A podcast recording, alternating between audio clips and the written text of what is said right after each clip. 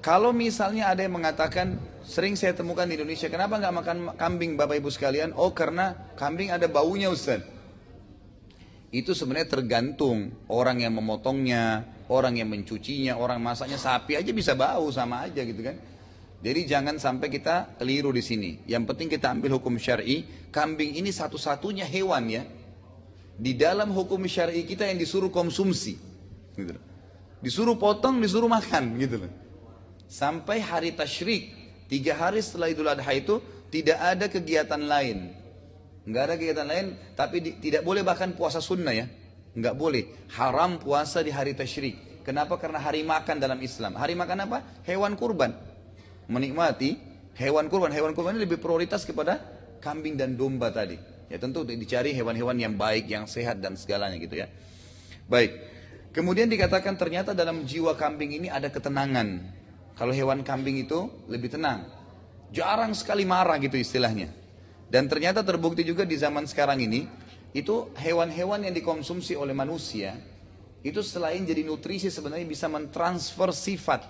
ya Umumnya, sifat-sifat hewan itu bisa tertransfer ya, secara dia sadar atau tidak sadar gitu. Ya, sadar atau tidak sadar. Makanya kita dilarang makan ular yang bertaring, nggak boleh makan harimau, nggak boleh makan ya yang ganas-ganas. Kenapa? Karena sekarang ini di zaman sekarang baru terbukti secara medis. Ternyata memang selain jadi bisa jadi nutrisi, kalau ada racunnya jadi penyakit, gitu kan? Tapi juga bisa mentransfer sifat itu, ya. Jadi makanya di sini kambing itu hewan yang sangat penyayang, tenang, gitu kan? Mungkin kita bisa lihat kalau dia lagi makan, kita jalan di sebelahnya nggak masalah. Ya orang kadang-kadang gangguin, gitu kan? Dia lebih tenang. Nah, ini memberikan pelajaran semua kepada para nabi-nabi. Kenapa? Ya, sampai disuruh disuruh untuk mengembala kambing, disuruh untuk mengembala kambing. Baik, suatu hari Nabi SAW, ini kisah kita sudah mulai masuk lebih dalam ya. Suatu hari Nabi SAW waktu umur 12 tahun. Jadi tadi kita katakan waktu umurnya 8 tahun tinggal bersama pamannya Abu Talib. Setelah 4 tahun tinggal bersama Abu Talib, tepat umurnya 12 tahun, setelah tinggal bersama pamannya selama 4 tahun, Abu Talib pada saat itu akan mengadakan perjalanan ke negeri Syam tadi di utara Jazirah Arab, Abu Talib pada saat itu ya, ingin mengadakan perjalanan perniagaan. Coba bawa barang dagangan dari Mekah ke negeri Syam gitu. Lalu yang terjadi apa? Nabi SAW waktu umur 12 tahun tidak tahu apa sebabnya tiba-tiba bergantung pada baju Abu Talib dan maksa untuk ikut. Dan tidak mau melepaskan ya pegangan baju kepada pamannya Abu Talib Sampai Abu Talib akhirnya membawa Nabi SAW keluar kota Mekah. Tapi ini ada hikmah ya. Ada hikmah. Nanti akan kita jelaskan apa hikmahnya. Saat tiba di negeri Syam, Abu Talib bersama kafilahnya sempat istirahat di depan sebuah gereja Nasrani. Dan pada saat itu ada sebuah keanehan sedikit terjadi. Apa itu? Waktu Abu Talib lagi jalan kafilahnya, ada satu pendeta yang kebetulan melihat dari luar atau dari jendela dari dalam gereja itu ternyata setiap kafilah lewat selalu diperhatikan. Dan memang ada maksudnya dia mencari tahu ini karena kafilah-kafilah semua dari jazirah Arab datang. Dan pendeta ini sangat tahu kalau zaman itu zaman keluarnya Nabi. Jadi setiap kafilah dari jazirah Arab selalu diperhatikan sama dia dari jendela gereja. Biasa saja sampai datang kafilahnya Abu Talib ini dia dikagetkan ternyata kafilah itu Bapak Ibu sekalian rahimahumullah itu dinaungi oleh awan. Jadi kafilah ini lewat lagi panas di padang pasir itu tertutup dengan awan. Maka dia penasaran, pasti ada apa-apa nih. Lalu dia utus pembantunya ya e, pada saat itu gulamnya kemudian suruh manggil kafilah itu. Suruh singgah, disuruh hidangkan makanan sebanyak mungkin agar mereka mampir di gereja pada saat itu. Maka dipanggillah. Mampirlah Abu Talib dengan teman-temannya semua. Lalu pada saat itu mereka menitipkan Nabi SAW untuk menjaga barang-barang mereka. Jadi Nabi SAW disuruh jaga barang, umurnya 12 tahun. Suruh duduk di situ. Waktu mereka sementara makan, pendeta ini terus perhatikan satu persatu wajahnya. Rupanya ada sesuatu yang dia ingin cari gitu. Tapi dia lihat tidak ada apa-apa. Biasa saja, orang-orang ini biasa gitu. Lalu pendeta ini bertanya, apakah masih ada orang yang tidak ikut dengan kalian? Maka Abu Talib bilang, ada. Ada satu anak kecil, itu anak saya. Maka pendeta itu bilang, di mana dia? pendeta itu tidak bilang panggil. Dia bilang di mana dia? Ada di di barang-barang kami di luar. Pendetanya keluar. Dipanggillah Nabi SAW masuk ke dalam gereja. Nabi SAW pun masuk, begitu masuk, langsung pendeta ini duduk dan memperhatikan wajah Nabi SAW lalu bertanya kepadanya. Dia bilang, saya tanya kepadamu atas nama Lat dan Uzza. Apa itu Lat dan Uzza? Nama dua patung yang disembah di Mekah. Jadi orang Quraisy ini kalau sumpah pakai nama itu. Kan tidak boleh sumpah atas nama patung gitu. Waktu itu pendeta ini ingin menguji Nabi SAW. Apa yang dia bilang? Saya bersumpah atas nama Lat dan Uzza. Lalu, lalu Nabi SAW mengatakan apa? Jangan engkau sebutkan nama kedua benda tersebut karena itu sesuatu yang sangat saya benci. Jadi Nabi SAW dari memang dari kecil tidak pernah sembah berhala gitu. Lalu pendeta ini penasaran. Ditanya lagi. Mana ayahmu? Nabi SAW mengatakan, ya ayah saya sudah meninggal. Ibu kamu di mana? Ibu saya sudah meninggal. Ditanya beberapa pertanyaan sampai akhirnya dia mengatakan, "Hai anak kecil," kata pendeta ini. "Apakah engkau mengizinkan aku untuk melihat pundakmu?" Maka Nabi SAW mengatakan, "Silahkan." Dibuka baju Nabi SAW, di pundak sebelah kanannya itu ada seperti daging yang muncul berbentuk seperti hati, itu dikerumuni dengan apa namanya bulu-bulu tebal, lebat. Semua nabi punya itu. Itu namanya simbol kenabian. Di pundak sebelah kanan daging seperti muncul warna merah dipenuhi dengan bulu dan itu semua nabi punya itu. Waktu pendeta ini lihat langsung dia kaget dan mencium Nabi SAW. Memegang tangan Nabi SAW lalu berkata bawa dibawa ke tempat Abu Talib sama teman lagi makan. Ditanya siapa anak ini? Dia ingin pancing gitu. Abu Talib bilang ini anak saya. Kata pendeta itu tidak mungkin anak ini punya ayah. Anak ini ya meninggal ayahnya waktu umurnya masih enam bulan di perut ibunya. Pendeta itu tahu rinciannya bukan dari Nabi SAW, dari kisah sebelumnya dia sudah tahu kisah Nabi yang akan keluar itu. Ayahnya meninggal waktu masih umur enam bulan di perut ibunya, ibunya meninggal pada saat dia umur enam tahun. Disebutkan kisah Nabi SAW gitu. Lalu Abu Talib heran, dari mana anda tahu? Langsung dia mengatakan anakmu ini akan menjadi nabi nanti. Bawa pulanglah dia ke Jazirah Arab. Karena kalau orang Yahudi tahu dia keluar dari orang-orang Arab, maka pasti akan dibunuh. Karena orang Yahudi tidak mau Nabi terakhir dari turunan orang Arab, maunya dari Bani Israel. Dan sudah pernah saya sebutkan sebenarnya sumbernya satu, Nabi Ibrahim alaihissalam ya. Nabi Ibrahim punya dua orang istri, Sarah dan Hajar. Sarah punya Ishak dan eh, Hajar punya Ismail. Nah, dari Ismail ini turun Nabi Muhammad sallallahu alaihi wasallam. Kan gitu. Nah dari Ishak ini ada Yakub. Yakub ini nama lainnya dia Israel. Jadi Israel itu namanya Nabi Yakub sebenarnya sekarang dipakai sama mereka. Kalau dikatakan Bani Israel berarti keturunannya Nabi Yakub. Nah, gitu. Nabi Yakub punya anak Yusuf, ya kan? Ada kemudian Musa, Daud, Sulaiman, Isa. Ini semua dikenal dengan nabi-nabi Bani Israel. Turunannya Nabi Yakub. Nah mereka berharap setelah Isa dan Musa itu keluar dari Bani Israel juga terakhir. Ternyata keluar dari turunan Nabi Ismail. Dan orang-orang Yahudi tidak mau masuk Islam hanya karena fanatisme buta. Kejahilan. Kalau anda tanya orang Yahudi kenapa tidak beriman, mereka bukan mengatakan Islam tidak benar. Karena Muhammad itu keluar dari turunan Ismail. Ismail itu ibunya dulu Hajar. Hajar itu bekas budak. Fanatisme yang tidak perlu gitu. Ya, ya. Fanatisme yang tidak perlu semuanya. Baik, intinya adalah pada saat itu Abu Talib akhirnya membawa pulang Nabi Shallallahu Alaihi Wasallam buru-buru ke Mekah karena percaya dengan apa yang disampaikan oleh pendeta tersebut. Termasuk juga sebelum fase kenabian, Nabi alaihi salatu wassalam pernah dibawa oleh Abu Talib begitu balik ke Mekah, beberapa waktu kemudian ada banyak peramal-peramal yang datang. Peramal-peramal ini umumnya semua menggunakan jin. Mereka sering menerka-nerka. Jadi ada jasa peramal istilahnya. Jadi mereka sering peramal-peramal ini berkelompok datang ke satu kota, misalnya kota Mekah. Nawarin jasa nih. Jadi kalau mereka sudah datang di satu tempat, misalnya di jalan raya ini, nanti orang-orang pada datang ngeramalin anaknya, ngeramalin dirinya, ngeramalin nasibnya dan ini semua tidak boleh. Ya, Nabi SAW larang dalam Islam, tidak boleh kita meramal ya nasib kita. Bukan cuma meramal, mendatangi peramal saya sudah dilarang. Dua hadis Bukhari. Hadis yang pertama kata Nabi SAW, Man ata arrafan wasa'alahu an syai' ya. Lam tuqbal minhu salatan arba'ina yauman.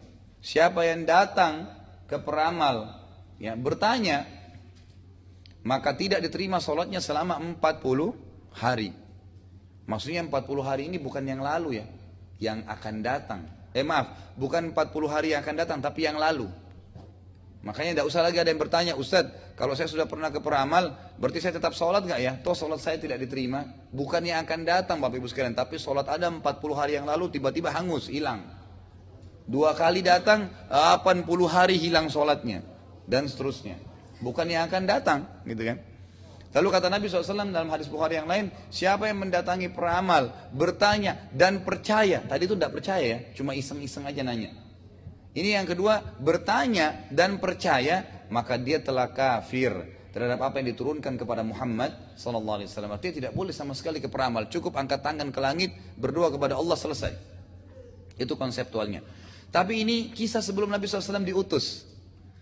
Peramal-peramal ini datang mereka pakai jin. Dan setiap orang masyarakat Mekah itu datang peramal itu menanyakan kepada anak ini anak saya bagaimana. Nah Abu Talib ini sempat membawa Nabi SAW kepada pimpinannya peramal itu dukun yang punya jin banyak gitu. Waktu dia lihat Nabi SAW, dia melotot melihat Nabi SAW gitu. Lalu dia bilang sama Abu Talib, tunggu, tahan anak ini di sini, sebentar.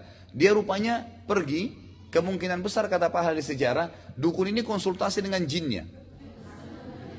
Dia pergi, Kemudian dia kembali, Abu Talib waktu lihat kejadian tersebut, belum pernah peramal lakukan kegiatan itu. Biasanya langsung dia tebak, oh, orang ini begini nanti, umur begini akan terjadi begini. Karena jinnya yang menyampaikan gitu kan. Maka apa yang terjadi? Abu Talib membawa lari Nabi SAW. Keluar dari situ, peramal itu kembali mengatakan dengan suara keras, mana anak tadi di sini itu? Anak itu nanti akan punya peran yang sangat besar menguasai dunia ini. Jadi kata peramal itu, gitu kan? Tapi Abu Talib sudah sembunyikan. Ini di antara kisah yang diangkat oleh para ahli sejarah. Kemudian kita masuk dalam penutupan bahasan kita adalah perniagaan Nabi Sallallahu Alaihi Wasallam dengan harta Khadijah dan menikahnya beliau dengan Khadijah radhiyallahu anha. Ini semua sebelum fase kenabian, sebelum fase kenabian masih masa itu. Dari umur 21 tahun setelah ya dari umur dari pas umur 21 tahun itu beliau mulai berniaga. Mulai beliau mulai berniaga. dan beliau Sallallahu Alaihi Wasallam itu berniaga mengikuti oh, masyarakat umumnya Mekah ke negeri Syam. Waktu itu tidak ada sumber penghasilan atau tidak ada sumber bisnis yang paling menjanjikan kecuali mengambil produk dari negeri Syam di utara Jazirah Arab. Dan mereka membawa barang itu ke Mekah. Nah umumnya masyarakat Mekah waktu itu kalau mereka bisnis mereka bawa uang kontan dari Mekah ke negeri Syam baru belanja barang di sana setelah itu membawa produk tersebut ke Mekah dijual. Beberapa bulan kemudian laku, pergi lagi ke negeri Syam belanja. Nabi SAW karena ya Allah berikan taufik punya strategi yang berbeda. Uang yang dititipkan kepada beliau amanah gitu kan, yang dikasih kepada beliau itu beliau belikan dulu produk Mekah. Produk apa pun ada di Mekah beliau beli, beliau bawa ke negeri Syam. Orang semua bawa uang cash, dia bawa barang. Dijual di negeri Syam produk tersebut, kemudian ada untungnya. Kemudian beliau beli lagi produk dari Syam, dijual ke Mekah. Jadi double dibandingkan dengan masyarakat umumnya. Ini akhirnya membuat Nabi SAW dalam hitungan bulan saja, itu udah banyak sekali orang yang menitipkan uang kepada beliau. Setelah tiga tahun kulang beli Nabi SAW berjalan berbisnis, barulah Khadijah radhiallahu anha mendengar Nabi SAW, ya dan itu belum ada pikiran menikah pada saat itu, tapi Khadijah ini kebetulan termasuk orang terkaya di Mekah dan punya harta banyak dan memang beliau karena wanita maka beliau akhirnya menitipkan ya menitipkan hartanya kepada orang-orang yang bisa dipercaya. Pada sampai pada saat sampai berita tentang Nabi SAW maka Khadijah pun mencoba Nabi SAW dengan menitipkan harta. Dikasihlah harta. Ternyata dalam satu dua kali saja perjalanan Nabi SAW sudah membawa double keuntungan dibandingkan orang-orang yang lain yang diamanahkan oleh Khadijah. Sampai akhirnya Nabi SAW dipercayakan oleh Khadijah untuk memegang hampir seluruh hartanya. Hampir seluruh hartanya dikasih kepada Nabi Shallallahu Alaihi Wasallam. Pada saat satu dalam salah satu perjalanan, Nabi SAW pernah jalan ke negeri Syam dan kebetulan ada pembantunya Khadijah ikut. Pembantu ini ya kemudian melihat perilaku Nabi SAW, ketenangannya, membawa barang, bagaimana beliau transaksi dengan orang dengan santun, laku semua barangnya. Dan ada kejadian aneh. Setiap kali Nabi SAW istirahat di satu tempat, itu selalu pernah beliau dulu di bawah sebuah pohon, itu pohonnya kayak menunduk menutupi Nabi SAW. Dan itu dilihat oleh pembantunya Khadijah. Dan banyak perilaku yang lain dilihat oleh pembantu tersebut waktu dia pulang lalu dia berkata kepada Khadijah, Hai Khadijah, sungguh saya sudah lihat dari Muhammad sesuatu yang tidak pernah saya lihat dari orang, dari akhlak, dari amanah, Bahkan ada yang aneh, setiap kali dia jalan, saya melihat ada awan yang menaunginya dan kalau dia duduk di bawah sebuah pohon, pohon pasti melindunginya, menutupi dia supaya tidak kena panas gitu. Maka saya sarankan engkau menikah dengannya. Jadi saran dari pembantunya Khadijah tadi. Lalu Khadijah berkata, kalau seandainya ya memang Muhammad terfikir untuk itu, maka saya tidak tidak menolak. Maka ditanya, pembantu ini lalu datang kepada Nabi SAW mengatakan, Hai Muhammad, apakah engkau mau mendapatkan kecantikan, kekayaan, serta kehormatan? Kata Nabi, SAW sudah paham, ini maksudnya disuruh menikah. Ya waktu itu Nabi SAW ya juga sudah punya penghasilan, sudah punya penghasilan karena dari bisnis yang beliau jalankan ini itu sudah ada keuangan uang sendiri gitu. Lalu Nabi SAW mengatakan siapa yang kau maksudkan? Lalu kata pembantunya Khadijah. Ya. Khadijah kebetulan terkenal ya orang yang sangat menjaga fisiknya, amanahnya, kecantikannya terkenal luar biasa gitu kan di masyarakat dan cukup banyak orang yang melamar Khadijah tapi ditolak gitu kan. Maka Nabi SAW pun mengatakan baiklah kalau Khadijah mau maka saya juga mau. Disampaikanlah kepada Abu Talib kemudian dengan Waraka bin Naufal juga ya ini sepupu daripada Khadijah dan mereka sepakat maka menikahlah keduanya. Pada saat itu umur memang Nabi SAW dalam riwayat-riwayat yang lebih rajih yang lebih banyak diangkat oleh para ulama umur 25 tahun. Jadi setelah 4 tahun berbisnis harta Khadijah barulah eh, Nabi SAW ya eh, apa namanya menikah dengan Khadijah dan waktu itu umur Khadijah 40 tahun. Umur Khadijah 40 tahun. Cukup banyak ya asar yang mengangkat tapi ini semua karena tidak sahih maka tidak kita bahas ya. Ada yang mengatakan Allah Azza wa e, memberikan apa namanya keawet mudaan kepada Khadijah gitu kan? Karena dengan umur 40 tahun pun itu Khadijah masih bisa melahirkan untuk Nabi SAW enam orang anak. Ya, enam orang anak. Nanti akan ada dua laki-laki yaitu Qasim dan Abdullah. Walaupun anak Nabi SAW tujuh ya karena anak yang satu namanya Ibrahim itu dari istri yang lain namanya Maria Maria Khiftia ada seorang wanita budak yang dihadiahkan dari Mesir kemudian beliau bebaskan dan beliau nikahi ya Kemudian ada empat anak perempuan Nabi SAW yang masyhur, Ruqayyah, Ummu Kalthum, Zainab, dan Fatimah. Ini semua dari Khadijah. Ini semua dari Khadijah dan semuanya masuk Islam tentunya. Baik, setelah menikah dengan Khadijah, maka Nabi SAW makin mengembangkan usahanya. Dan perlu anda ketahui, Nabi SAW waktu menikah dengan Khadijah ini, beliau memberikan mahar Khadijah, itu 20 ekor unta. Satu ekor unta, kalau kita hitung harganya sekarang sekitar 20 juta rupiah misalnya. Kan sapi saya sudah 10 jutaan atau lebih. Unta lebih mahal gitu kan. Kalau 20 juta kali 20 gitu kan. Itu 400 juta yang dikasih oleh Nabi SAW di zaman itu dan itu hanya sekedar mahar saja. Apa itu mahar? Mahar itu sesuatu yang diletakkan di depan mempelai laki-laki ya pada saat dia ijab kabul. Itu mahar. Beda dengan biaya acara perkawinan umumnya gitu kan. Tapi ini diberikan oleh Nabi SAW. Ini juga sekaligus membantah banyaknya orientalis yang mengatakan orientalis ini orang-orang barat yang belajar Islam untuk mencari kelemahan Islam. Mereka mengatakan Muhammad sengaja nikah dengan janda kaya karena hidupnya miskin. Ya. Dan ingin membiayai hidupnya. Padahal sebenarnya salah. Nabi SAW saja memberikan mahar sampai 20 ekor unta. gitu kan? Dan beliau SAW setelah menikah pun tetap membisniskan uang Khadijah. Membisniskan uang tersebut. Ada juga sebuah kisah di sini kalau anda ingin tahu kenapa Nabi SAW diberikan julukan Al-Amin. Orang yang terpercaya. Ada alasannya. Nabi SAW sebelum menikah dengan Khadijah sudah berbisnis. Dan ada beberapa produk beliau di Mekah waktu itu. Beliau sempat tawarkan di pasar Ukaz namanya. Kalau kita dulu yang sekarang juga sudah dihilangkan ya. Kalau tahun lalu ada pasar Seng kan di Mekah itu. Itu dulu wilayah pasar memang Ukaz namanya. Zaman Quraisy. Memang sudah pasar dari dulu gitu. Yang saya ketahui seperti itu ya Allah alam. Yang jelas di sini Nabi SAW pernah berdagang di situ dan ada satu orang keluar dari kota Mekah masuk dari luar kota Mekah masuk beli barang Nabi SAW. Waktu sudah dibeli barang tersebut, sudah dibeli barang tersebut, maka orang itu berkata, Hai Muhammad, saya titip dulu barang saya ini, saya akan tawaf.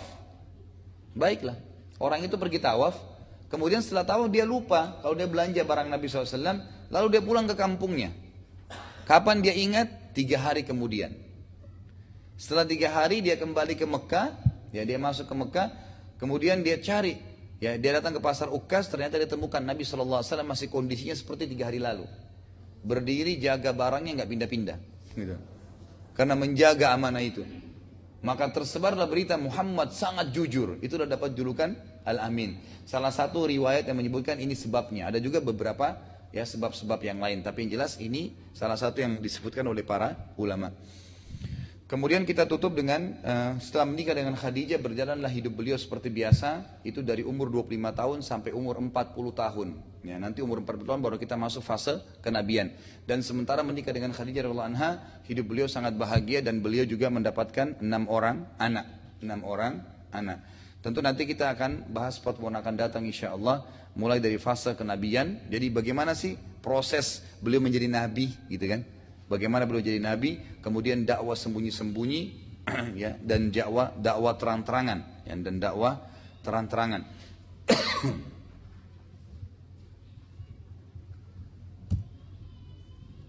ya.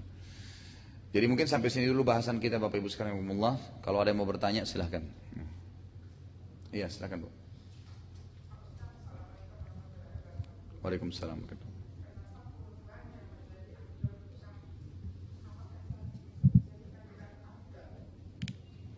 Ya. Jadi bukan berarti kalau kita katakan kambing itu afdal, berarti sapi itu tidak baik. Enggak. Kata-kata afdal berarti lebih besar pahalanya. Ya, kata-kata afdal. Seperti misalnya uh, orang sholat, ya, sholat malam di akhir waktu sebelum subuh lebih afdal daripada orang sholat di awal malam. Apakah berarti awal malam orang tidak baik? Enggak, tetap baik. Kan gitu. Tetapi itu lebih besar pahalanya. Itu lebih besar pahalanya. Sedekah yang Bapak Ibu berikan kepada kerabat yang miskin lebih afdal dibandingkan kasih fakir miskin umumnya. Lebih baik, gitu kan? Jadi memang di sini kambing dan domba itu disebutkan oleh para ulama lebih afdal karena Nabi SAW contohkan itu. Di zaman beliau ada sapi, ada unta, tapi beliau sembeli domba. Baru sembeli kambing dan domba gitu kan. Berarti menandakan afdaliyahnya. Tapi bukan berarti sapi nggak boleh. Itu nggak masalah, bisa saja gitu kan. Bisa saja. Tapi apa hikmahnya Allah alam yang jelas kita diperintahkan untuk itu dan kurang lebih saya sudah berikan beberapa poin tadi gambaran ya. Ada hikmah-hikmah tertentu kenapa kita disuruh sembeli berarti kita disuruh juga makan gitu kan. Daging kambing itu berarti berhubungan sekali dengan hal-hal yang dibutuhkan oleh manusia. Allah alam.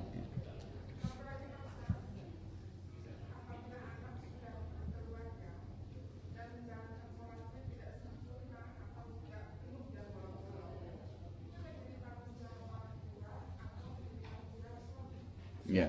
Jadi masalah tanggung jawab anak, istri dari suami dan ist, suami istri terhadap suaminya dan seterusnya, orang tua terhadap anak, anak terhadap orang tua itu sebatas ya dia e, menyampaikan, sebatas dia menyampaikan. Jadi misal anak kita dari kecil kita sudah didik nih, sholat itu wajib, kita tuntun, diikutkan mungkin di pengajian, di, ada guru mengaji dan seterusnya. Lalu ternyata setelah dia menikah dia tinggalin sholat. Apakah orang tuanya berdosa? Jawabannya tidak. Gak ada hubungannya. Karena dia sudah ingatkan. Dia sudah sampaikan. Tugas kita menyampaikan. Allah subhanahu wa ta'ala menyebutkan tentang Nabi sallallahu alaihi. Beliau mengatakan, Allah mengatakan dalam Al-Quran, Ma'alaika illa al-balak. Ya Allah ma'alaika illa balak. Jadi tidak ada tugas Muhammad kecuali menyampaikan saja. Tugasnya menyampaikan. Jadi kita suka menyampaikan. Dan ingkar mungkar itu serta menyuruh kepada kebaikan itu yang wajib yang pertama. Misal, anak kita nggak sholat, suami nggak sholat, istri nggak sholat, atau siapa saja.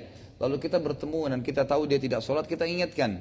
Itu sholat wajib, harus dikerjain gini. Sudah sekali kita sampaikan, itu udah gugur kewajibannya. Selebihnya sudah hukumnya sunnah. Ya, selebihnya sudah hukumnya sunnah. Yang penting dengan orang yang sama, gitu kan?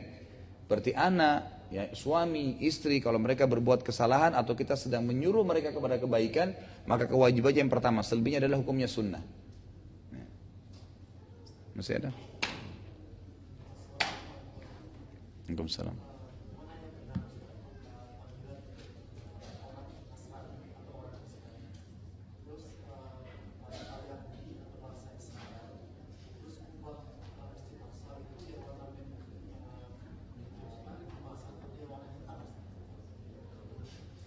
Baik. Jadi sekarang yang ditanya ini Nasrani dari mana istilah itu ya? Yahudi juga dari mana istilah?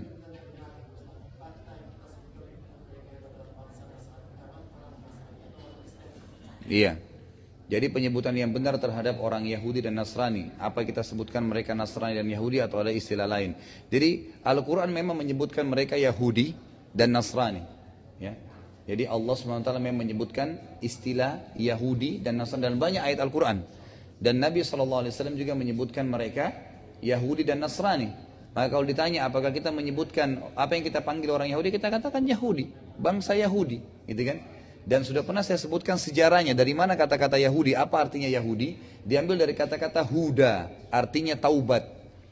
Jadi makna Yahudi itu sebenarnya bagus awalnya. Itu di awal di kisahnya waktu Samiri, pengikut Nabi Musa membuat patung emas sapi untuk disembah. Nabi Musa kan 40 hari hilang dari eh, ada di kaumnya. Lagi pergi ke Bukit Tursina menerima wahyu, menerima Taurat, ya kan gitu. Waktu beliau kembali, beliau lihat orang sudah sembah patung, lalu ditanya, dari mana kalian sembah ini, siapa yang suruh? Mereka nunjuk Samiri, tanya Samiri kenapa kau lakukan? Dia bilang, saya cuma ikuti perasaan saya saja. Gitu kan. Maka Nabi Musa AS pun marah dengan Samiri. Lalu menghancurkan patung tersebut dan mengusir Samiri. Mengusir Samiri. Nah waktu itu Bani Israel merasa bersalah. Kenapa mereka sembah berhala lagi sementara Musa Allah sudah utus Musa AS. Maka mereka mengatakan inna hudna ilaik kami taubat kepadamu ya Allah. Keluarlah istilah Yahudi di situ. Diambil dari kata-kata orang-orang yang bertaubat asalnya. Kan gitu. Nah setelah Nabi SAW diutus juga, beliau masih menggunakan istilah Yahudi. Sering beliau ucapkan, uh, uh, panggil beberapa orang Yahudi. ya Orang Yahudi di Madinah. Ada istilah-istilah seperti itu. Ya. Orang Nasrani, memang lebih baik kita memanggil mereka Nasrani. Istilah Nasrani. Kalau Kristen kan itu dari bahasa Inggris ya diterjemahkan ke bahasa Indonesia. Tapi kalau kita ikuti bahasa Al-Quran adalah Nasrani. Diambil dari firman Allah SWT dalam Al-Quran memang. Ya waktu Nabi Isa mengatakan man ansari ilallah. Siapa yang akan menjadi penolong Allah? Nasara artinya penolong sebenarnya. Artinya penolong. Tapi terlepas daripada maknanya, Al-Quran menyebutkan mereka Nasrani. Semua pengikut Yahudi di muka bumi ini, ya semua pengikut Nabi Musa di muka bumi ini, sampai hari kiamat namanya Yahudi. Semua pengikut Nabi Isa sampai hari kiamat namanya Nasrani. Siapa pun dia. Dan kalau digabungkan keduanya namanya ahli kitab. Namanya ahli kitab. Yang sering Allah sebutkan dalam Al-Quran, ya ahlal kitab, ya ahlal kitab. Itu adalah Yahudi dan Nasrani. Kenapa Allah banyak menyebutkan mereka? Karena mereka orang yang paling dekat untuk mendapatkan hidayah. Mereka sudah pernah turun Taurat, meyakini ada Musa. Ya, sudah turun Injil, meyakini ada Isa. Berarti lebih mudah untuk beriman kepada Nabi Muhammad SAW. Karena mereka sudah beriman sebelumnya. Beda dengan orang ateis, penyembah berhala, sulit. Gitu kan? Karena mereka belum beriman kepada Nabi sebelumnya. Sudah Pak ya? Terus yang kedua tadi masalah Kuba ya, yang mana Masjid Aqsa. Jadi Masjid Aqsa itu sebenarnya yang kubanya silver ya, warnanya kegelap-gelapan. Jadi kalau yang kubanya warna emas itu bukan Masjid Aqsa ya. Itu namanya Masjid Kubatus Sakhra. Itu dibangun oleh Al-Walid, salah satu khalifah muslim. Pada saat itu Palestina menjadi simbol gereja-gerejanya orang Nasrani, kekuatan Romawi waktu itu. Jadi gereja dibuat semewah mungkin. Maka Al-Walid membuat Masjid Kuba Sahra itu untuk menyaingi mereka. Tapi itu bukan Masjid Aqsa. Masjid Aqsa yang di belakangnya. Yang di belakang Masjid Kubatus Sahra itu. Ada lagi? Waalaikumsalam warahmatullahi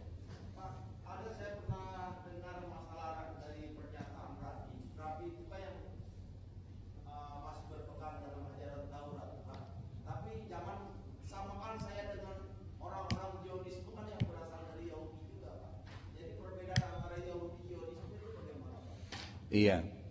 Pertanyaan yang bagus ya. Kalau Zionis, Zionis itu istilah, jadi begini. Orang-orang Yahudi itu awalnya mereka berpegang pada Taurat. Setelah berjalannya waktu, ada diistilahkan revisi. Ya kan? Dari Taurat itu ada revisi, Injil ada revisi. Setelah direvisi, keluarlah sebuah kitab namanya Talmud. Ada sebuah kitab bernama Talmud. Kemudian direvisi lagi Talmud itu keluar sekarang namanya buku protokol Yahud. Nah, revisi-revisi ini itu dijalani orang yang berpegang, orang yang meninggalkan Taurat, kemudian mereka berpegang pada buku Talmud atau protokol Yahud dinamakan Zionis. Kenapa dinamakan Zionis? Karena mereka dianggap pembaharu dalam agama Yahudi itu. Apa isinya protokol itu? Semuanya tidak baik. Bukan lagi isinya seperti Taurat. Kalau protokol Yahudi itu isinya adalah bagaimana Yahudi adalah anak-anak cinta kecintaannya Allah, gitu kan? Kemudian bagaimana orang Yahudi bisa menipu, bisa membunuh, menumpahkan darah orang lain. Makanya yang masuk di Palestina sekarang membunuh-bunuh, dia tidak merasa berdosa. Kenapa? Karena dituntun oleh buku itu. Bahwasanya mereka boleh membunuh, boleh menipu selain orang Yahudi. Gitu kan? Nah ini. Jadi yang dinamakan Zionis adalah orang yang berpegang pada yang terakhir-terakhir ini gitu kan. Tapi kalau misalnya ada orang yang mengatakan saya tetap berpegang pada Taurat, ya tetap saja dia tidak benar. Karena memang setelah datang Rasul, ya, berarti menghapus ajaran Rasul sebelumnya. Tadi sudah kita sebutkan definisinya. Jadi misalnya pada saat Nabi Isa alaihissalam datang, beliau membawa Injil, berarti dengan tangannya Nabi Isa dan beliau seorang Rasul, berarti ajaran Taurat sudah terhapus, nggak diterapkan lagi di Bani Israel di Bani Israel. Karena ini nabi untuk nabi-nabi mereka, nabi Bani Israel, turunan Nabi Yakub tadi. Jadi saya sudah berikan gambaran sebenarnya Nasrani nggak punya kewajiban menyebarkan sampai di Indonesia, gitu kan? Nah karena ini saja. Jadi ajaran yang ada di Taurat itu sudah terhapus dengan datangnya Nabi Isa alaihissalam. Tapi tetap diimani kalau Taurat ada, Nabi Musa Nabi. Nggak boleh dipungkiri itu. Tapi syariat yang diterapkan adalah syariat Rasul yang terakhir. Itulah Nabi Isa waktu itu. Nabi Muhammad SAW waktu datang, beliau juga seorang Rasul. Yang berarti menghapus ajaran Nabi-Nabi dan Rasul sebelumnya. Karena beliau seorang Rasul. Makanya kita mengatakan Yahudi dan Nasrani kafir karena mereka menolak Rasul yang terakhir. Walaupun mereka itu agama profetis, agama dari langit. Ini agama Samawiyah. Tapi mereka masih tidak beriman kepada Rasul yang telah Allah perintahkan. Tentu rentetannya adalah tidak beriman kepada Allah. Rentetannya karena Allah yang suruh beriman kepada risalah Nabi Muhammad sallallahu alaihi wasallam. Kan gitu. Makanya Allah mengatakan dalam Al-Qur'an ya ahlal kitab ta'alu ila kalimatin sawa'im bainana wa bainakum ya. Jadi Nabi SAW disuruh aja Hai Muhammad katakan kepada orang-orang Yahudi Nasrani ahli kitab itu ayo sini sama-sama kita satukan ya persepsi kita satuin.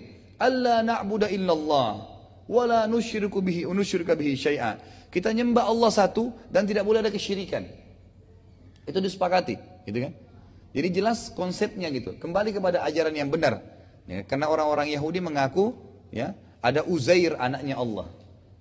Ya, dan orang Nasrani mengaku Isa adalah anaknya Allah.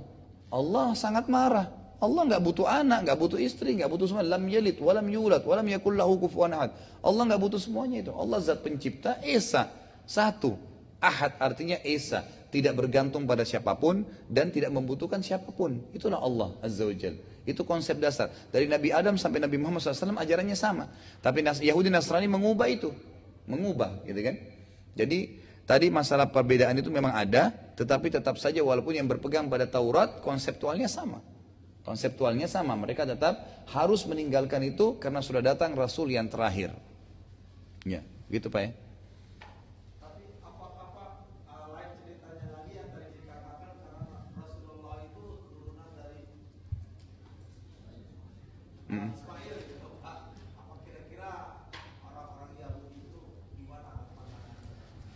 Enggak, itu itu itu alasan secara umum kenapa mereka tidak mau beriman kepada risalah Nabi Muhammad SAW.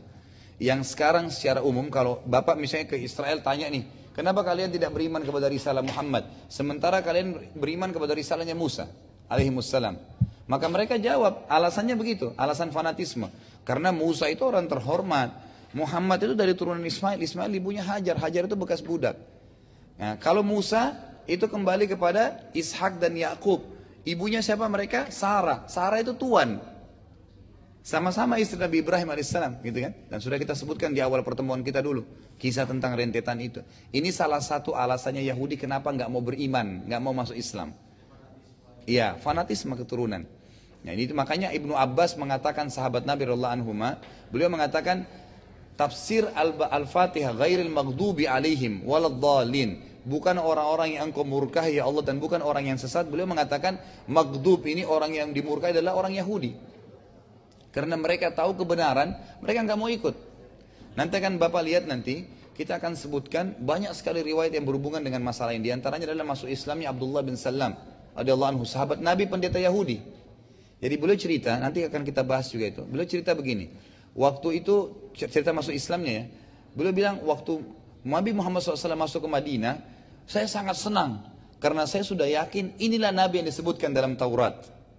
Maka saya pun keluar kembali ke rumah saya dan saya teriak mengatakan Allahu Akbar telah keluar Nabi yang kita tunggu. Tapi ternyata dia bilang saya tidak tahu kalau pemuka-pemuka Yahudi ini sudah sepakat tidak mau beriman kepadanya. Karena dianggap dia turunan dari Arab, gitu kan? Mestinya mereka berharap dari turunan Bani Israel, turunan mereka yang hidup di Madinah. Kan mereka sudah lama saling menikah apa di Madinah punya keturunan banyak. Berharap dari salah satu anaknya di Madinah. Ternyata keluar di Mekah, gitu kan? Keluar di Mekah dan nanti hijrah ke Madinah. Dan itu turunan Arab, mereka nggak mau. Dan mereka nolak. Maka Abdullah bin Salam mengatakan, tante saya mengatakan, kenapa kau takbir seperti itu? Kalau Musa datang belum tentu kau takbir seperti itu. Kata Abdullah bin Salam, ini nabi yang telah kita temukan dalam Taurat, jelas. Kenapa kita nggak mau beriman? Kata tantenya, tantenya bilang, coba kamu pastikan. Datanglah Abdullah bin Salam kepada Nabi SAW. Ditanya, Hai Muhammad, gini, begini, ditanya. Ciri-cirinya dalam Taurat. ya Bagaimana beriman kepada Allah, bagaimana kedudukannya Musa dan Isa, bagaimana beriman kepada nabi-nabi sebelumnya, tentang hari kiamat, banyak ditanya. Nabi SAW jawab semuanya. Waktu dijawab, Kata Abdullah bin Salam, kalau begitu asyhadu an la ilaha illallah Rasulullah. Masuk Islam.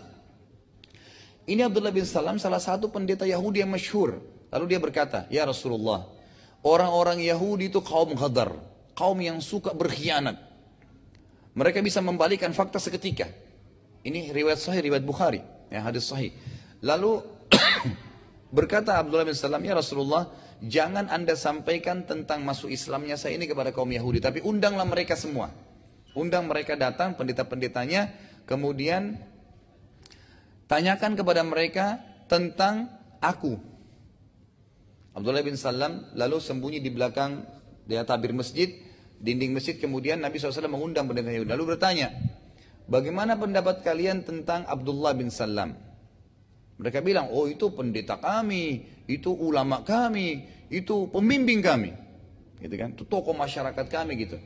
Lalu Abdullah bin Salam keluar dari sembunyinya langsung mengatakan asyhadu an la ilaha illallah wa anna muhammad rasulullah. Artinya tadi kamu kalian kan ngaku saya pimpinan. Ini saya sudah syahadat ikut nggak? Gitu. Lalu apa yang terjadi? Langsung orang-orang yang spontan mengatakan dia orang paling bodoh di antara kami. Dia orang yang paling ya eh, apa namanya tidak mengerti. Dia orang yang mungkin disebut-sebut keburukannya gitu. Lalu akhirnya mereka pulang, ya mereka pulang ke rumahnya masing-masing dan pada saat itu mereka sangat terpukul karena Abdullah bin Salam masuk Islam. Tapi memang orang Yahudi agak sulit karena fanatisme ya, fanatisme. Makanya Nabi SAW mengatakan kalau seandainya waktu di Madinah ya, boleh masih hidup, ada 12 orang saja Yahudi masuk Islam kepada saya, maksudnya tokoh-tokohnya, maka semua Yahudi akan masuk Islam. Tapi mereka susah sekali gitu. Jadi di Madinah semua itu cuma dihitung jari yang masuk Islam gitu kan. Jadi kurang lebih seperti itu gambarnya.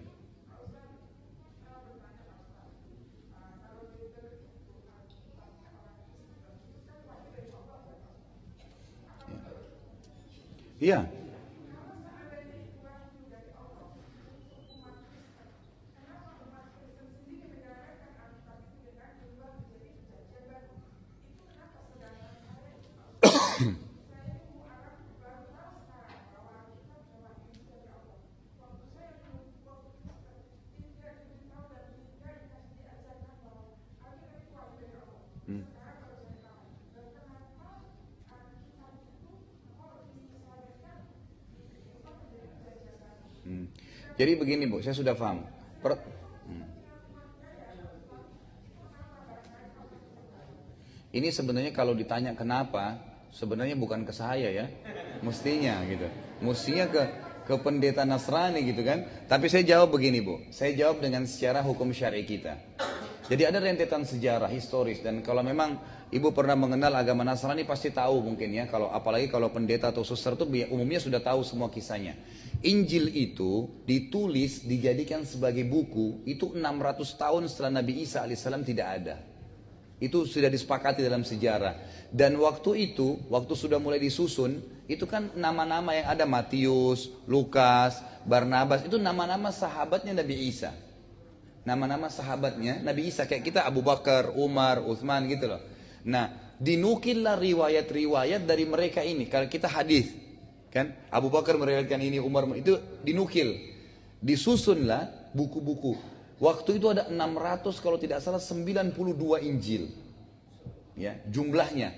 Itu banyak sekali. Karena banyak sekali. Seperti kalau kita kan sahabat Nabi memang jumlahnya banyak ya. Sahabat Nabi SAW itu ada 70 ribu orang. Kan gitu.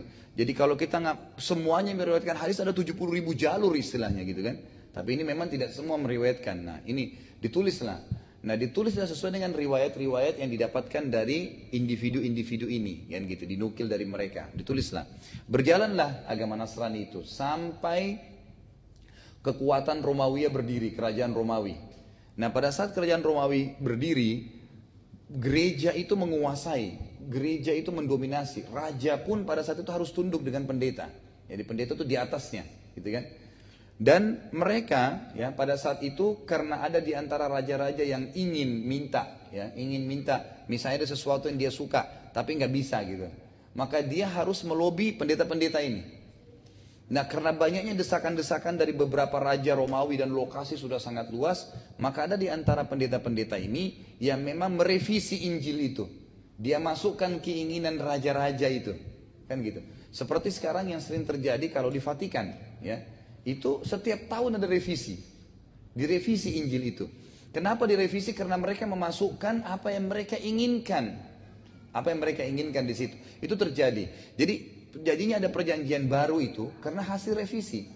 Perjanjian baru saja itu itu tidak tetap, bisa berubah. Beda dengan kalau kita Al-Quran. Allah mengatakan dalam Al-Quran surah Al-Waqa, Inna nahu nazzalna dzikra Wa inna lahu lahafidun. Kami turunkan Quran dan kami akan jaga itu. Makanya sekarang satu ayat saja ditambah, itu anak kecil yang membongkar di banyak tempat tahfidz Quran. Oh ayat ini salah, ayat ini salah. Sampai hari ini masih terjaga. Padahal bisa saja diubah-ubah ya Quran itu. Tapi Allah Subhanahu wa taala menjaganya. Intinya adalah pada saat itu mulailah ada revisi-revisi. Kan gitu. Sampai termasuk kalau uh, Bapak Ibu sekalian pernah membaca dalam sejarah ada revolusi Prancis tahun 66 kalau pernah dengar, gitu kan? Nah itu revolusi Prancis itu apa yang terjadi di situ? Pemberontakan yang terjadi dari pemerintahan, gitu kan? Terhadap gereja, karena gereja menguasai, gitu kan? Menguasai semua apa pun harus izin dengan pendeta dan mereka yang izinkan.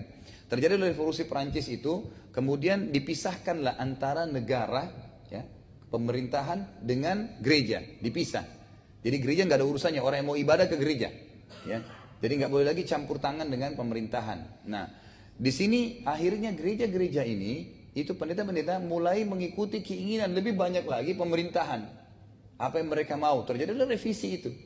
Revisi, revisi terus begitu. Lebih parah daripada itu ada tersembunyi dalam sejarah ya, tapi ini terungkap dalam banyak buku-buku juga. Orang-orang Yahudi, Bapak Ibu sekalian, orang Yahudi ini kan dia tidak mau orang lain masuk ke agamanya. Kalau ibu sekarang ke Israel bilang saya mau masuk agama Yahudi, dia nggak mau. Karena dia anggap harus turunan darah Yahudi asli. Baru bisa menganut agama ini. Kalau enggak berarti bukan orang Yahudi, darahnya tidak suci, tidak seperti orang Yahudi. Gitu kan? Jadi mereka nolak, ada fanatisme. Sehingga mereka lebih eksklusif. Makanya jumlahnya lebih sedikit kan. Kalau orang Nasrani beda.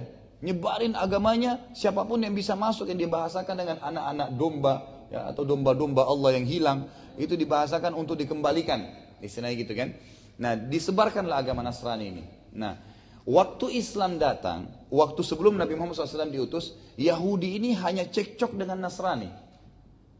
Karena dua-dua mengaku agama dari langit tapi orang Yahudi nggak mau beriman pada Nabi Isa. Mereka nggak mau beriman gitu kan? Mereka tetap berpegang pada Taurat Musa saja. Ya tinggal tunggu Nabi terakhir datang dari Bani Israel tapi bukan Isa.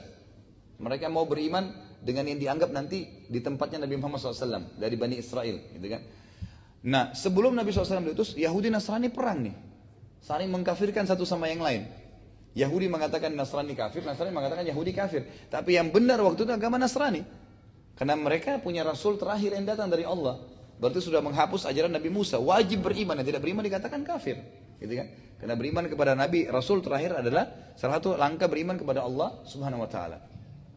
Waktu Nabi Muhammad SAW datang, Yahudi akhirnya mempunyai dua musuh. Nasrani dan Muslim, gitu kan? Karena dua-duanya mengaku agama dari langit, sama dengan mereka tiga. Nah sementara orang Nasrani ini nyebarin agamanya, Muslim juga nyebarin agamanya, jadi penduduk pengikutnya banyak. Kan? Pengikutnya jadi banyak. Yahudi kan tidak eksklusif, tapi mereka Yahudi ini tetap mau memerangi Nasrani dan Yahudi, eh, orang Muslim. Bagaimana caranya? Salah satu strategi yang mereka lakukan sekarang dan itu disebutkan dalam protokol Yahud tadi. Ada hubungan rentetannya, itu protokol Yahud disebutkan. Jadi mereka sekarang hampir setiap tahun Yahudi itu mengiklankan di Amerika dan di Eropa, gitu kan? Ada anak-anak muda Yahudi murtad dari Yahudi masuk ke Nasrani. Anak muda, pintar-pintar, cerdas-cerdas, dan ternyata orang-orang ini anak-anak ini sudah dibuat hafal Taurat dan punya strategi tertentu. Maka diiklankanlah. Orang-orang Nasrani senang dengan acara itu. Diambillah, dimasukkan ke e, seperti umum kita kalau ada muallaf dibina di mana? Di masjid, kan gitu. Nah ini orang Yahudi murtad dari agamanya masuk agama Nasrani, dianggap dapat hidayah, dibina di gereja sampai jadi pendeta dan itu targetnya. Pada saat mereka jadi pendeta, itu target yang diinginkan oleh Yahudi. Mereka inilah yang menjadi tim revisi Injil. Jadi sekarang itu banyak sekali di Vatikan pendetanya agama Katolik itu orang Yahudi. Dan akhirnya revisi Injil kalau ibu temukan dan bapak sekalian itu sudah tidak ada lagi kata-kata mengatakan Yahudi kafir. Dulunya ada. Yang tidak beriman pada Nabi Isa dianggap kafir. Sekarang tidak. Bahkan ada dikatakan bahwasanya Yahudi dan Nasrani itu sama. Nah, nabinya sama-sama dari Bani Israel. Berarti musuh kita cuma satu nih, orang muslim. Itu strategi Yahudi. Jadi revisi Injil terjadi itu luar biasa dari sebuah rekayasa ya yang luar biasa dan ini tentu sejarahnya panjang ya, sejarahnya panjang.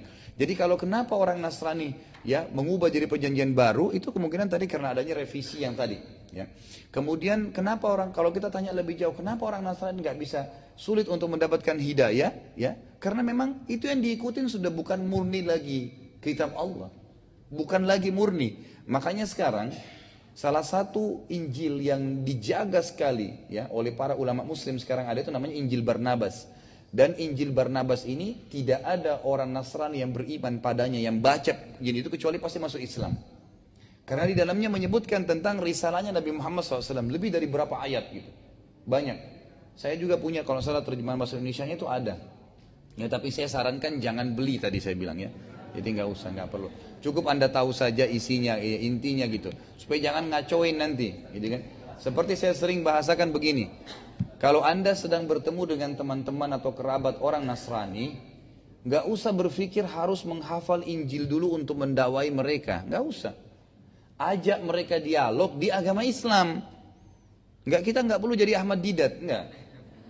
Beliau memang spesialis itu, tapi kalau kita ketemu, saya berapa kali ketemu sama teman-teman Nasrani kan gitu, atau agama lain di pesawat, di mana saja, saya kalau ngobrol agama apa, tanya, saya ajak ngobrol di agama Islam. Jadi dia asyik bertanya kepada saya tentang Islam gitu. Ya, jadi saya, saya juga leluasa menjawab karena saya kuasai itu, gitu kan? Jadi nggak usah kita ngajak berdebat di ya di kitab ini, di bab ini, dalam Injil itu nggak perlu, nggak usah. Kita juga tidak dianjurkan dalam Islam untuk mencari-cari kesalahan kok, enggak. Kita disuruh menawarkan Islam. Ini loh Islam. Beriman kepada Allah, beriman kepada seluruh Rasul termasuk Nabi Isa. Kata Nabi SAW, siapa yang mengatakan Allah itu benar, surga benar, neraka benar, Isa benar, telah melemparkan atau mengucapkan kalimatnya kepada Maryam yang membela ibunya Maryam waktu mengatakan ya saya adalah hamba Allah dan seterusnya dalam surah Maryam disebutkan dan aku adalah hamba Allah Nabi SAW adalah utusan Allah maka dia pasti masuk surga Berarti kita harus beriman memang. Setiap muslim harus mengatakan Isa Rasulullah. Musa adalah Rasulullah. Semua la nufarriku baina ahadin mir rusul. Kita tidak boleh membeda-bedakan semua rasul yang Allah utus. Tetapi risalah yang diterapkan, syariat yang diamalkan adalah rasul yang terakhir. Itu konseptualnya. Karena Nabi Muhammad SAW rasul terakhir, maka otomatis kita mengikuti beliau. Kan gitu. Kita mengikuti beliau Allah alam. Itu bu ya. Baik, sudah?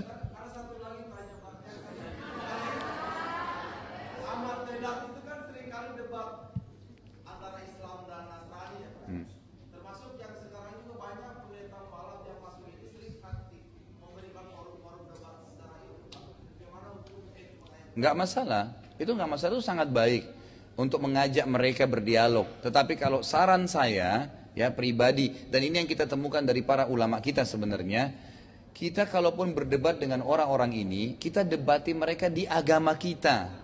Kita mendakwakan Islam. Ya, kebanyakan kan pakar-pakar ya, pakar-pakar kita ini menghafal Injil kemudian menjadikan sebagai bahan dialog. Sampai pernah ada teman dekat saya berdialog di Indonesia di sini. Lalu pendeta Nasrani bilang begini, Anda dari tadi berkata Injil bab ini, kitab ini, ayat ini dari tadi, tapi Anda sendiri nggak mengimani Injil itu.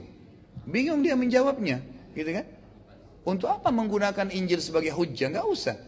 Allah mengatakan dalam kitab kami Al-Quran begini. Allah mengatakan seperti ini. Allah mengatakan seperti ini. Kita bahas. Jadi dialoglah di agama kita gitu. Ya. Banyak sekali subhanallah yang saya temui. Bahkan tidak jarang di antara mereka bersyahadat. Itu karena kita ajak saja. Dan dan menjelaskan masalah Islam. Dan subhanallah Bapak Ibu sekalian. Jangan pernah berpikir. Jangan pernah berpikir hidayah itu susah bagi mereka. Tidak. Kadang-kadang tidak masuk di akal kita. Mungkin dengan satu kalimat berapa banyak orang Nasrani pendetanya masuk Islam karena kata-kata lam yalid walam yulad, lam yalid walam yulad. Gitu kan? Ada kisah begini, saya tutup dengan ini. Di Surabaya kemarin ada teman dekat saya. Itu kemudian dia dialog sama uh, satu orang pendeta gitu. Dia bilang sama pendeta ini, dia orang faham agama gitu. Tapi orangnya pengusaha ya, bukan dai gitu. Dia sering ikut pengajian. Lalu dia cerita dengan saya, dia bilang saya ketemu dengan satu orang uh, pendeta. Lalu saya bilang, ini Pak Pendeta sebenarnya saya ini, dia bilang, saya ini masih bingung dengan agama Islam, gitu kan? Saya bingung.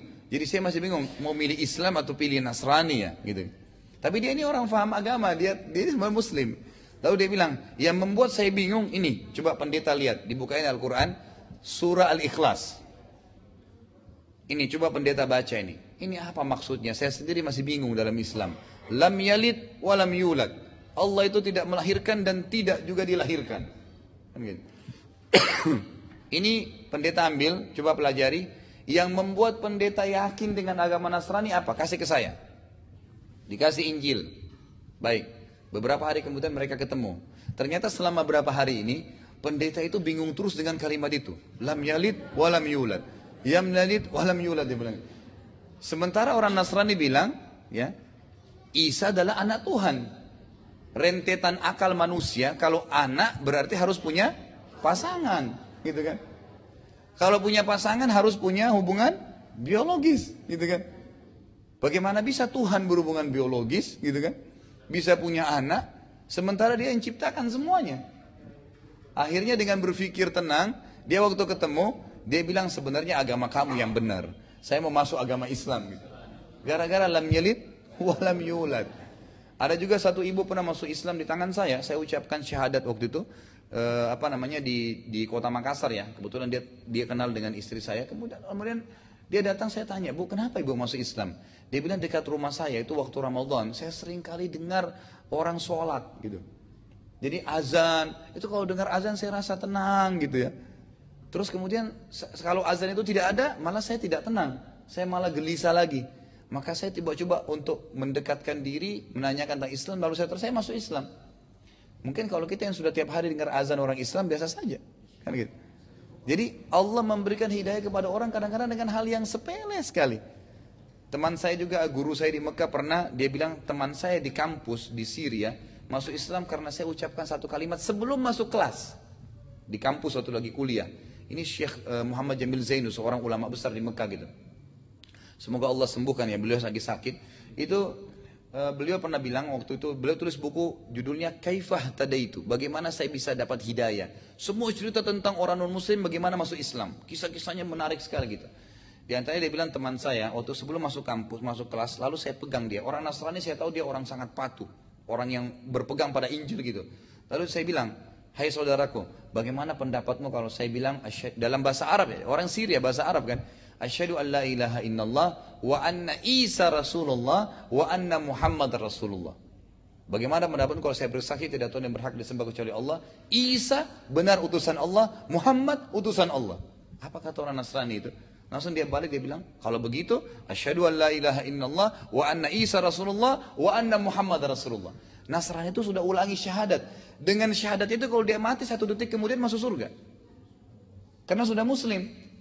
Jadi saya sering terangkan dan tekankan, jangan bapak ibu kalau temannya mau saya mau masuk Islam, nih ini buku kau belajar dulu. Kalau dia mati malam itu bapak ibu tanggung jawab. Karena yang dituntun disuruh syahadat saja.